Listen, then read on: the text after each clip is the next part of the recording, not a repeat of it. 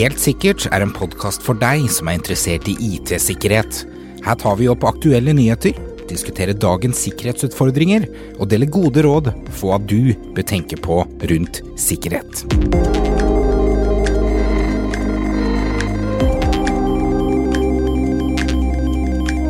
Jeg tenker ofte på sikkerhetsprogramvare som antivirus og renseværbeskyttelse. Vi arbeider veldig hardt for å oppdage sikkerhetsbrudd og finne de angriperne som eh, ønsker oss vondt, eller som kanskje ønsker å presse penger ut for oss. Men eh, av og til så er det den enkle sikkerheten som vi glemmer. I dag skal vi snakke litt om eh, fysisk sikkerhet. Velkommen til Helt sikkert. Mitt navn er Stian. Mitt navn er Alexander. Så tar du med deg datamaskinen når du går på toalettet på jobb. Hva gjør du når du går til lunsj? Eh, vet du hva som skjer med datamaskinen din uh, når du ikke har lyst på den lenger, eller du slutter jobben? Vet du egentlig hvem som har tilgang til utstyret ditt? Fysisk sikkerhet, Alexander, det er, et, uh, det, det er dessverre et tema som ofte blir glemt. Ja, man har veldig høy fokus på det med den logiske eller den sikkerheten man har for å beskytte mot antivirus og, eller virus og sånne ting. Kan ikke du forklare litt forskjellen på logisk og fysisk sikkerhet? Jo, altså logisk sikkerhet handler litt mer om den eh, software-versjonen av sikkerhet som man har. Eh, man har et programvare som beskytter mot ransomware eller malware. Man installerer en firewall som beskytter deg mot angripere fra utsiden og sånne ting. Mhm. Den fysiske er mer hva gjør du med maskinen din?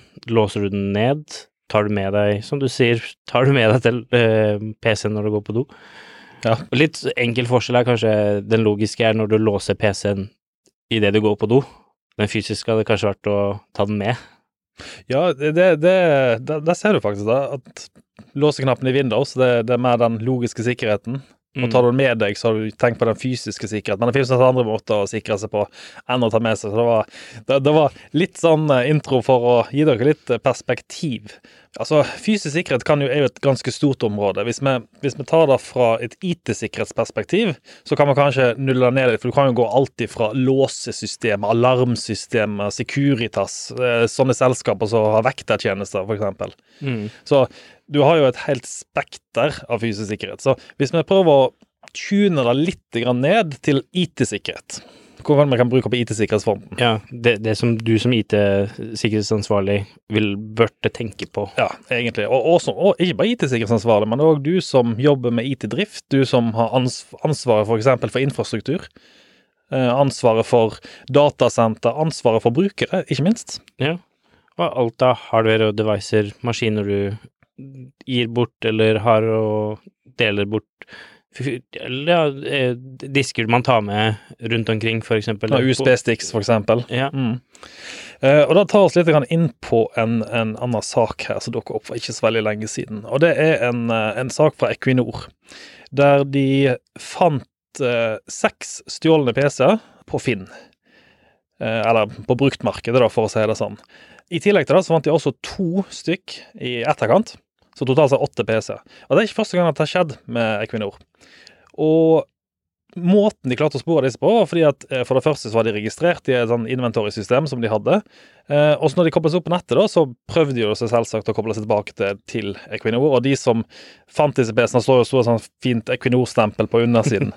Eh, Så de som hadde stjålet, de hadde ikke gjort storjobben for å Nei, skjule og så, det så, så er jo spørsmålet er de blitt stjålet, er de ikke. Så, men det, det som ikke hadde skjedd, i hvert fall, var at de i hvert fall ikke hadde blitt håndtert i henhold til eh, Equinor sine prosedyrer. Mm. Så i dag så Vi flytter oss litt, egentlig, i IT-miljøet i dag. Eh, før så var det jo veldig vanlig å ha stasjonær PC. Det var jo veldig vanlig å ha en, en PC på pulten, og noen miljøer så er det fortsatt f.eks. arkitekt. De, der er det jo ganske avhengig til å ha f.eks. grafikk og prosesseringskraft. Ja, og da har du ofte stasjonær maskin på kontoret. Man har serverne ganske lokalt. Mhm. eh, alt befinner seg innafor ett bygg, eksempel. Men, men det endrer jo seg litt. Grann. Til og med inn på arkitektfronten så har vi jo endringer der du kan koble på E eGPU. Eh, eGPU det er for, kort forklart, skal ikke snakke så mye om det nå, men det, det er egentlig en ekstern eh, grafikkprosessor du kobler til PC-en. Uh, slik at du faktisk har, kan bruke f.eks. En, en Macbook for å gjøre jobben din. Eh, og laptop. Eh, og vi ser jo da at ganske mange IT-miljø nå går fra stasjonære PC over til laptop, fordi at de vil at de ansatte skal være mobile. Ja, de vil gjerne at du skal ha med maskinen din når du går ut hjemmekontor, når du er Mhm. på reise, fordi du blir mer og mer liksom alltid tilgjengelig. Så, og det er litt sånn med mobiltelefon. Egentlig alt utstyr du får utlevert av jobben, er jo ment for at du skal være mer mobil. Men det vi kanskje ikke tenker på da, er at når vi leverer ut utstyr, så gir du faktisk vekk en del av bedriften din. Det, det, det ligger ganske mye informasjon på den PC-en og den mobiltelefonen som du leverer fra deg. Ja, og så brukerne lar ikke all data ligge igjen på kontoret selv om de tar med seg laptopen. Ja, og så ser du eksempel på OneDrive, da, som synker seg opp mot datamaskinen. Synker kanskje La oss si firmaet sitt, eh, sine filer opp mot datamaskinen for å ha det lokalt, for å kunne jobbe lokalt. Så har man plutselig alle dataene liggende på den PC-en. Ja, og det er ikke alltid man tenker på det å sikre den dataen man legger på mobiler, laptoper og sånne ting. Man tenker kanskje ikke på sånn så krypteringsmekanismer og slikt. Så la oss si at eh, jeg har nå vært ute i, i Cyberon og brukt en PC der, uh, fått lasta ned hele biblioteket og tar det med meg på toget. Hva skjer hvis den PC-en blir stjålet, sånn egentlig? Ja. Hvor sikker er den dataen du hadde på maskinen hvis noen tar den, og hva gjør man for å fjerne eller ta recovery av dataen? For eksempel fjernsletting kan Ja. være en idé. Eh, man har jo løsninger der man, hvis ikke maskinen ringer hjem og får godkjenning i løpet av noen timer, for eksempel, -hmm. eh, så blir den automatisk sletta. Og hvis den befinner seg på utsiden av si, landegrenser, så blir den også automatisk sletta. Så man har litt sånn fysisk sikkerhet på, på sånne ting. Det, det er litt sånn lett å blande her, fordi at eh, logisk sikkerhet og fysisk som vi snakker om, det går jo egentlig software og fysiske sikringstiltak. sant? Man glemmer kanskje at eh, som du sier, automatisk sletting dersom man går utover landegrensene, er egentlig et fysisk sik- sikringstiltak. Fordi at det går på den fysiske PC-en og kanskje sletter den sammen med MDM-løsning og fjernsletting. Du sletter den fysiske enheten. Ja. Eh, logisk eh, kan jo være tilsvarende der man har management fra den i et MDM, eller i eksempel eh, i AD og, Exchange fra, Mhm. fra Microsoft, så har du mulighet for mange devicer å slette de remote. Men da må de være på nett, du må ha tilgang til de, de, de må komme opp igjen. Ja, sant. Og det gjør at den logiske sikkerheten kan kanskje ikke være tilstrekkelig nok for noen. Så vi snakka litt om PC og sånt, og laptoper. Eh, men hva skjer når en ansatt slutter? Altså, får de lov å ta med seg PC-en hjem? Eller er det normalt sett vanlig å levere PC-en tilbake igjen? Ja, og hva gjør du med maskinen etter at mm, brukeren er ferdig med den? Det behøver ikke å være at det slutter, men at de skaffer seg en ny PC og oppdatering. Så mobil, mobilen, Alexander. Hvor mange mobiler har du hatt opp gjennom årene? Det begynner å bli litt del. Eh, man har mista de, man De ble ødelagt, man eh, ble frastjålet. Det meste har skjedd. Og la oss spørre, hvor mange arbeidsgivere, tidligere arbeidstakere deg, har bedt deg levere inn mobiltelefonen når du slutter? Det har vel ikke skjedd foreløpig. Nei. Og det er litt ironisk for meg òg, fordi jeg har vært på mange arbeidsgivere oppover, og vanligvis så har man policyer der man bytter mobilen annet- annethvert år. Fordi man ønsker at den ansatte skal være i, i produksjonen. Og ha de beste forutsetningene for å levere. Og en mobiltelefon koster så lite for en bedrift i forhold til hvor mye man bruker den, at det er verdt å skifte den ut. Men den gamle mobilen eh, Normalt sett så vil jo man si at man må levere inn den, altså bytte den inn, men eh, det er jo ikke alltid sånn. Nei, man tar vel kanskje den mobiltelefonen i den videre til noen barn eller noen som ikke har en så moderne telefon. Mhm. Hva gjør man med den før man gjør det, da? Og så tenker kanskje arbeidsgiver at det er jo ikke så farlig, det er bare en mobiltelefon. Hva er, hva er skummelt med det? Ja, man har jo ikke synka den mot Outlook og mailen Nei. sin, eller lasta ned dokumenter på den i det hele tatt. Ja, det skjer jo aldri. Så dere der ute nå som lytter på, hvor mange av dere har faktisk en policy som sier at de ansatte skal levere fra seg mobilen, og hvor mange av dere sjekker faktisk opp i at det blir gjort? Jeg, jeg, for, for min del så har jeg fortsatt alle mobilene fra mine tidligere arbeidsgivere. Ja, og det er jo ikke bare mobil med andre devicer òg. Mhm. Så hva gjør man når man bytter ut en laptop? Ja, det er akkurat det. Og litt tilbake til eh, denne Equinor-historien. Eh, fordi de hadde jo akkurat samme problemet. Eh, Hvis du klarer å miste åtte laptoper, så, så kan du skylde på prosedyren, men det er jo et stort ledd i organisasjonen som har svikta i det der. Fordi de laptopene skulle vel vært inn hvis noen slutter. Altså, jo, det kan bli stjålet, men til gjengjeld så skulle det jo da vært tagga som stjålet. Ja. Da kanskje man hadde rutiner for automatisk slette den dataen, Mhm. hvis man hadde meldt de stjålet. Så vi snakker litt om nedlåsing av utstyr, egentlig logisk, ved å kunne slette de, men det er også mulig å gjøre det fysisk. Har dere der ute nå hørt om det som kalles for en Kensington-lock? Ja, man leser det gjerne på bruksanvisninger man får på forskjellig utstyr, mm -hmm. med et lite hull på en siden av en device, for eksempel. Yes. Men eh, jeg vet ikke om veldig mange andre, eller veldig mange vet akkurat hva det er. Nei, og det, det er jo en det er en standardlås for alle laptoper som gjør at du kan låse ned PC-en, eksempel låse den til pulten. Låse den fast i pulten når du går fra. Du kan låse den fast hvis du f.eks. for eksempel sitter noe sted, på et kafé eksempel. Så kan du låse den fast eh, til noe annet. Og det er en veldig fin måte å egentlig låse fast PC-en på, fordi eh, da tar vi inn på litt annen eh, historie her. Eh, Jeg har hørt om en eh, podkast som heter Darknet Diaries. Ja. Eh, De hadde en historie eh, før jeg går videre. Hvis dere der ute har lyst til å ha gode historier fra den mørke siden av, eh, av hackerlivet, så gå og hør på den podkasten. Virkelig anbefalt. Men de hadde en historie på en pentest, fra en pentester, som var ute og jobba på en bedrift. Og han kunne gå rundt på kveldstid, fordi at hvem bryr seg nå egentlig om en ansatt som skal sitte litt på kvelden og jobbe? Han kunne gå rundt og plukke PC-er fra pultene til alle folkene som jobber der. Fordi folk har jo latt PC-en sin ligge igjen. Altså, yeah. når du går fra jobb og ikke tar med deg PC-en, så ligger den jo for de fleste på pulten. Kanskje til og med står i dokkingstasjonen. Kanskje til og med pålogga, fordi at du legger bare lokket på, og så går du. Ja, ikke sant? Så han kunne egentlig gå og plukke PC-er. Dette selskapet da, som hadde gjort dette, hadde faktisk sikkerheten på topp. Så de hadde full kryptering, de hadde alle sikkerhetsløsninger, så han klarte ikke å hente ut noe data. Men prinsippet bak det, han kunne egentlig gått fra hele kontoret med alle laptopene deres. Og, og kan du tenke deg, én ting er at eh, tap av data, men hva skjer neste dag når du skal gå i produksjon igjen? Ja, du mister jo masse ansatte som har mista laptopen sin, som da ikke får jobba. Så Yes. du kan jo miste masse arbeidskraft. Og det er jo tid, og tid det er ganske dyre penger når du har da 150 mennesker som står der uten eh, PC-ene sine. Og uten den personlige informasjonen som ligger der. For hva skjer da hvis ikke det synker opp fra PC-en til f.eks. filserver? De har kanskje jobba på ting som de har mista, så potensielt mer enn en dag som er gått tapt. Ja. Og dette her med PC-er, da drar oss litt på en annen sak. For i, i fjor så var det et selskap som heter Blanco. De kjøpte ca. 160 SSD og harddisker på eBay. Eh, eBay er da eh, et auksjonshus eh, egentlig på internett, rimelig kjent for de fleste. Det de gjorde, var at de gikk inn og analyserte disse diskene for å se om de kunne gjenopprette data. Og det de faktisk fant, eh, var at 42% av de inneholdt data som kunne gjenopprettes. Så der var alt mulig rart. Der var fra fødselsattester, personnummer, eh, dokumenter fra selskapet. Egentlig det meste. Eh, Mye av det også privat informasjon. Men det er ikke første gangen de gjorde det. For et par år siden så gjorde de det samme. Og da fant de faktisk at 62% av diskene hadde innhold. Så det har blitt bedre, Ja. men fortsatt halvparten av diskene.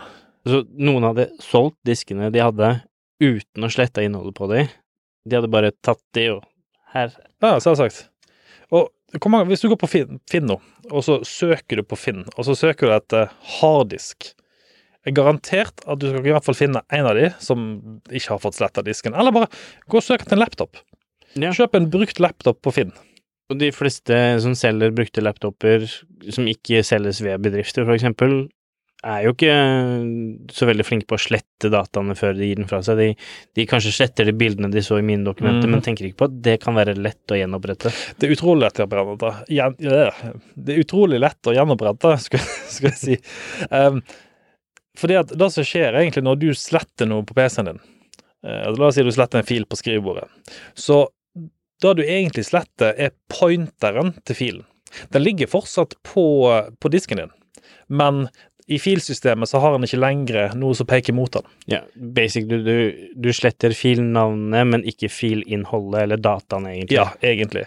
Eh, Det skjer først når du tar en, da, en, en, en skikkelig formatering, ikke en hurtigformatering. Og Hvis dere der ute nå sitter med disk, og du kjører en hurtigformatering, det han sletter da, er akkurat det samme. Han sletter filnavnet. Han sletter ikke innholdet i filen. Du må kjøre en full formatering for å faktisk skrive over dataene. Og Det er derfor det går så fort å ta hurtigformatering. Det var en liten eh, digresjon i den sammenhengen her. Men eh, ok, laptopen kommer inn da til IT-avdelingen igjen etter at man eh, har fått den tilbake fra brukeren. Så hva skjer egentlig med laptopen etter det? Ja, man kanskje skulle kaste laptop fordi den ikke var ment å bruke noe mer, fordi det var ikke noe gjenbrukbar laptop. Uh, man kanskje skulle tjene litt penger på å selge den videre fordi det var en verdi, men man skulle ikke bruke den lenger. Det, det er litt moro at du sier det, eh, akkurat det der med å selge videre. Fordi det er jo et eh, har vært ganske mye oppe i mediene de siste årene, dette her med miljø. Og gjenbruk av IT-utstyr. Og med gjenbruk så mener man selvsagt salg av IT-utstyr eh, til andre, så de kan brukes på nytt. Fordi at mye av IT-utstyret som brukes i dag, f.eks. laptoper, er jo ikke nødvendigvis søppel, bare fordi at det Nei, det er kanskje litt dårligere for deg å bruke, men Mhm. for noen andre som ikke bruker maskinen like kraftig, så, så kanskje den funker kjempebra. Men alle disse PC-ene som selges da, følger jo som sagt med en harddisk. Så har dere faktisk rutiner, dere som eh, selger utstyr videre, for å slette harddisken? Og vet dere hvordan det egentlig skal gjøres sikkert?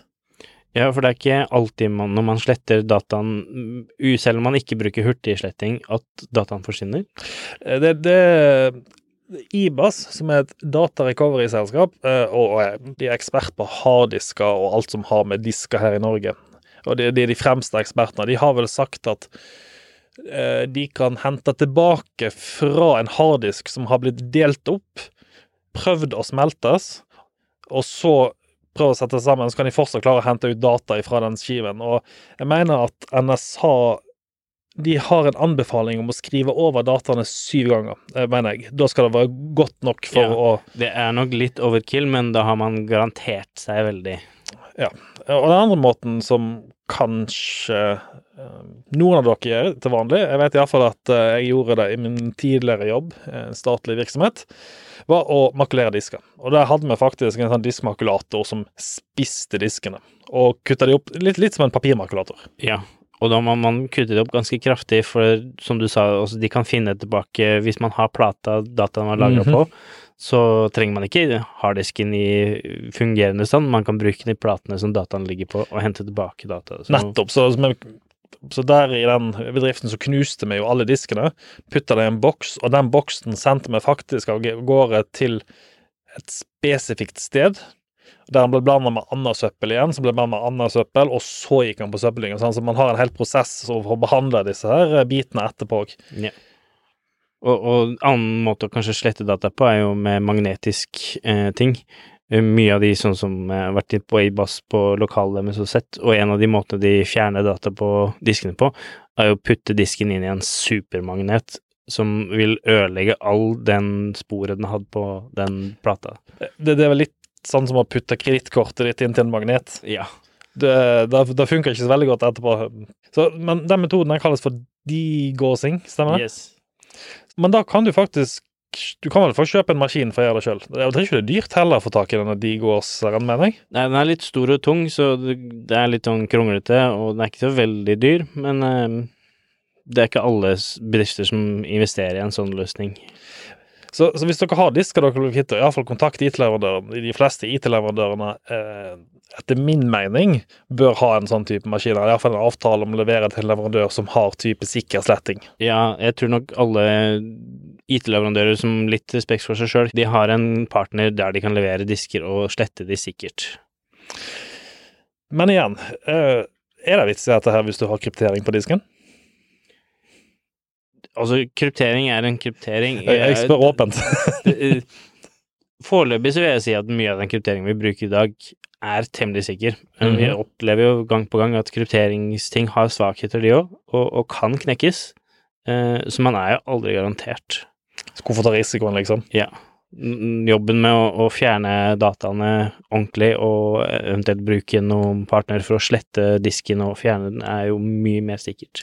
Altså, nå går vi alltid ut og anbefaler eh, folk å eh, kryptere harddiskene i serverne sine, f.eks. Men eh, hva skjer egentlig hvis eh, noen stikker av med en disk i et RAID 5-oppsett, f.eks.? Hvor vanskelig tror du det er å hente tilbake data? Et vanlig Redd 5-oppsett uten noe kryptering, så er ikke det noe spesielt vanskelig. Eh, Man får kanskje litt spor, spordata, at man henter bare noe av dataen, ikke alt. Så kanskje man ikke får med seg all informasjon. Og har jeg opplevd det som drifta av maskiner og sånt i datasenter, at det, du får kanskje en eh, harddisk som er korrupt. Du må få en ny en fra leverandøren, og så må du ofte sende tilbake den disken som eh, du akkurat har hatt data på. Den har jeg sett. Og det er jo ganske risikabelt. Da sender du av gårde din, din egentlig hemmelige data til den leverandøren, og de kan da gjenopprette, selv om disken da ikke funker for deg, så gjør de det si at disken kan funke for noen andre, hvis de bare gjør litt jobb på den. Hvis i tillegg til det er RAID 1, for eksempel, som er speiling. Ja, da har de jo full data, og ikke bare litt av den. Det, det, det, det er ganske spesiell policy at uh, noen selskaper faktisk krever å få sendt tilbake diskene. Ja, eh, og det har noen ganger litt med seriøst serviceavtale man har med dataleverandøren sin, om må han få beholde disken, eller må han levere den tilbake. Jeg vet i hvert fall at, eh, at noen private leverandører de krever å få disken tilbake som bevis for at han, han er defekt. Men det er jo et annet problem. En defekt disk kan du ikke slette.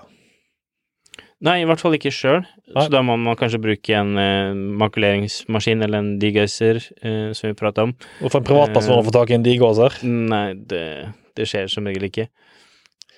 Uh, vi har snakka veldig mye nå om uh, PC-er og eh, litt om mobiltelefoner, men datasenter, da? Ja, fysisk sikring på datasenter er jo en stor ting. Ofte datasenter er det jo ganske mange maskiner, og du er ikke aleine som en, en leverandør på datasenter som regel. Nei. Det er mange andre som har tilgang til datasentre enn bare deg. Um, Men nå tenker vi ofte på datasenter som store, fantastiske bygninger, men sannheten er jo at de fleste av, iallfall mange av bedriftene her i Norge har egne servere på kontoret, kanskje, til og med. ja, de har det kanskje i et lite rom nede i kjelleren for litt Mhm. ekstra kjøring og sånne ting, så man har ting lokalt. Eller man har datasenter der du deler lokasjon med andre for å få kosten ned og sånne ting. Dere som sitter ute nå med, med servere, hvor mange av dere har faktisk alarm på døra inn til eh, serverrommet? Og bare, nå tenker jeg ikke bare på alarm i lokalet, for alarm i lokalet, da kan jo hvem som helst eh, slå av. Altså, Hvis jeg kommer på jobb, så vil jo jeg normalt sett slå av alarmen fordi jeg har lyst til å sitte og jobbe. Hvis da å drepe alarmen også på serverrommet, så er vi kommet like langt. Ja, og det kan skje at eh, du har litt eh, personer som ansatte som kan være litt ondarta og ta, komme inn på da- datasenteret ditt og hente ut data. Så Om hvordan skal du oppdage hvem som gjorde hva og sånne ting, hvis sånne ting skjer? Om det ikke er de ondarta, så er de iallfall eh, utrolig nysgjerrige. La oss bare si det sånn. Ja. Og når det står da noe fint utstyr som i teorien ser avslått ut, så eh, kan man kanskje bli fristende til å ta det med seg. ja. Og man Det- vet jo ikke om det kan være f.eks. en CA-server, som, eh, altså sertifikatserver, som står avstengt og blir bare brukt når det genereres nye sertifikater. For eksempel, eller du har bytta ut parken din, så du har de gamle serverne du brukte for noen år siden stående. Eh, De inneholder fortsatt mye data, Mhm. så Og det er kanskje noen som ser seg i snitt til at ja, men den blir ikke brukt, så vi kan ta den og bruke den til noe annet, og kan ta med seg dataen til andre steder. Eller, eller som du sier, at noen faktisk prøver med vilje og faktisk stikker av med dataene. Det, det, det har jo skjedd, og det, det skjer jo. Ja. Um, forhåpentligvis ikke så ofte der ute at man har ærlige ansatte. Og de fleste er jo ærlige. Men um, altså, jeg, jeg ser ikke vitsen å ta ris risken. Hvorfor uh, skal man ikke ha en uh, ekstra nøkkel til da, datarommet sitt som veldig få har tilgang til? Hvorfor skal man da hvorfor, hvorfor bare Hvorfor ta sjansen? Jeg, jeg skjønner ikke vitsen. Og, og begrense de personer som har tilgang, og kanskje ha unike identifikasjoner med adgangskort og sånne ting, så man har sporing til hvem og hva. Og spesielt sånn som i et datasenter der du har delt lokasjon. Eh, Jeg har vært på flere datasenter, og noen av datasentrene deler lokasjon men det er ikke noe skille mellom forskjellige rekk, for eksempel, så du har ett rekk, naborekke Jeg, eh, jeg har mistanke hvilket datasenter du tenker på. Jeg skal ikke nevne navn, det vil ikke være rettferdig, men eh, jeg, jeg har nok vært på det samme datasenteret. Det er òg flere som har det sånn. Ja, Så egentlig, du kunne da gått til naborekket og stjålet med deg en server eller to uten at noen hadde noen peil. Ja, fordi at man låser ikke rekket sitt, kanskje. Og, og så er det kanskje samme nøkkel også på alle rekkene. Så Ja. du, ja. Så fysisk sikring og, og kontroll på det at ingen andre enn de personene som skal ha tilgang, har tilgang, det er viktig. Men da skal, da skal sies at uh, vi holder jo sjøl til oppe på, uh, på Nexthop sitt datasenter, eller egentlig Basefarm sitt datasenter. Jeg skal ikke si en nøyaktig lokasjon her. Men der er jo sikkerheten på topp. Der er jo faktisk uh, Det er ikke bare noe som jeg nå, nå, Vi har ikke Nextop som sponsor, eller noe sånt, så bare, bare det er sagt. Men der er skapene låsbare, med egne koder. Og de kodene er da unike for hvert skap. Så det er slik at når du går inn datasenteret For det første så går du inn i et rom som er overvåka med kamera. Så det er den første fysiske hindringen. Og så har du også dørtilgang i de forskjellige rommene. Og så har du da kode på skapene, som da er unikt for hvert eneste skap. Og den koden kan du sjøl endre, sånn at Yes. leverandøren din har egentlig ikke tilgang til skapet sjøl, hvis ikke de Og det er jo, sånn det skal være. Til og med leverandøren skal jo egentlig ikke komme inn i skapene eh, hvis ikke det skjer noe. Nei. Og det her handler jo litt om gradering av datasenter. Eh, noen datasenter har ikke noe gradering, og da får ikke tenke på noe sikkerhet i den Mhm. forstand. Eh, noen har en gradering som forlanger at de må gjøre sånne tiltak. Så egentlig da, så kan man egentlig si at fysisk sikkerhet har også eh, mange lag, på samme måte som vi sikrer PC-en på logisk, med, med brannmur, antivirus, ransomware, overvåkning, så har vi på fysisk sikkerhet og alarm på utsiden, dørlås, lås på rekke, kanskje til og med en Kensington-lås på PC-en, hvis du har en PC stående. Man Ja. har andre fysiske sikringstiltak som eh, inne på serveren, at diskene eksempel går alarm på hvis noen napper ut. Og, og det er jo sånne tiltak som det er lurt å gjøre for å beholde dataen din, hvis ikke bare utstyret, men også må man tenke på at eh, verdien ligger både i fysisk utstyr og i dataen den inneholder. Selv om den ikke blir brukt i dag, så ligger det fortsatt data fra når den var brukt. Så, så hvis vi skal avslutte litt, da um, Vi sa innledningsvis at fysisk sikkerhet ofte blir glemt, iallfall nå til dags. Um, før så var det jo det var viktig, fordi at man hadde kun fysisk. Man tenkte ikke logisk, den logiske biten. Nå har det blitt helt omvendt. Man har glemt den fysiske biten, og så er man over på litt mer sånn Vi stoler på folk. Jeg, jeg stoler ikke på folk. Jeg, jeg, eh, når så en bruker, så stoler jeg ikke på at den brukeren vet det beste for selskapet, og jeg alltid gjør det beste for selskapet. Det, så- sånn er det bare. Det, sånn er det å jobbe innenfor sikkerhetsbransjen. Men så, så korte råd. Eh, alarm på, eh, på kontoret, det er jo første biten. Iallfall sånn at du har noe varsling. Og så en egen alarm på datasenteret. Ja. Eller, eller på datarommet, da, la oss si det sånn. Ja, og en eh, ID-type adgangskontroll, sånn at man vet hvem som har vært der til hvilken tid, så man kan på en måte spore litt opp hvis det er, eh, er nødvendig. Selvsagt med personlige koder, da, så, man vi vet hvem som har vært inne der. Fordi vi har jo sjøl vært borti datasenter, de har en sånn fin kodelås på døra, og så er koden 01234556. Ja. Og alle kan den koden, så er det jo ingen som vet hvem som har vært der. sant? Så, så da burde jo være unike koder, og det må vel linke opp mot, mot eh, alarmsystemet eller et loggsystem som ser som sagt hvem har vært der, Ja. og når har de vært der. Og jeg vil i hvert fall anbefale på der du har et masse data samlet, sånn som på et datasenter, at du kanskje har en kameraovervåking så man kan Ja. spore. Og om det da er innbrudd, så har man bevis på kanskje hvem det var og hva det var. Så det er mulig å Det er akkurat det, altså, og, og hvis, man skal, hvis man er redd for å følge altså, Datatilsynet for overvåkning og sånt, eh, så kan man f.eks. stenge ned kameraet når man har tastet inn en gyldig kode for å komme seg inn i rommet. Slik at det kan begrenses den type overvåkningen. I, I teorien. Hvis man har lyst til det. Ja. Det viktigste er å, å gjøre de tiltakene som fysisk sikrer dataen din tilstrekkelig. Så vil jeg også kanskje sagt at eh, mitt beste tips er iallfall å ha prosedyrene på plass når ansatte slutter. Ja, så både laptoper, maskiner eh, og mobiltelefoner. Alt utstyr, til og med USB-minnepenner. Eh, De er nok de verste, fordi når du putter de i PC-en, og som jeg sa tidligere, du bare trykker delete på filene, så ligger jo fortsatt filene der. Ja, og USB-penner er jo noe man bruker massivt ofte. Man legger filene på de, Mhm. mister de, legger de fra seg, gir de bort, eh, og tenker ikke alltid på hvilken data som er på den, og har vært på den. Og jeg får spørre, men har du sett de der um, um, åh, Nå husker jeg ikke navnet på de, men det er USB-pinner som har um, nøkkelko... Uh, en sånn keep, keypad, der yeah. du kan taste inn kode, og så krypterer de. Altså hardware-kryptering på nøkkelen. Så da er du i hvert fall garantert, hvis du mister den, så, og så er det ikke noe som en enkelt person kan få tilbake data fra. Den er kryptert. Sant? Den er kryptert. Og de er litt dyre. Jeg vet at Ken, ikke Kensington, hva heter de? Åh, de der som produserer minnepenner. Kingston. Kingston. De hadde en sånn uh, billig variant av den. Uh, jeg har den i sekken. Uh, ganske kul. Du taster inn koden, og så krypterer den, og taster inn koden igjen, så dekrypterer den. Ja.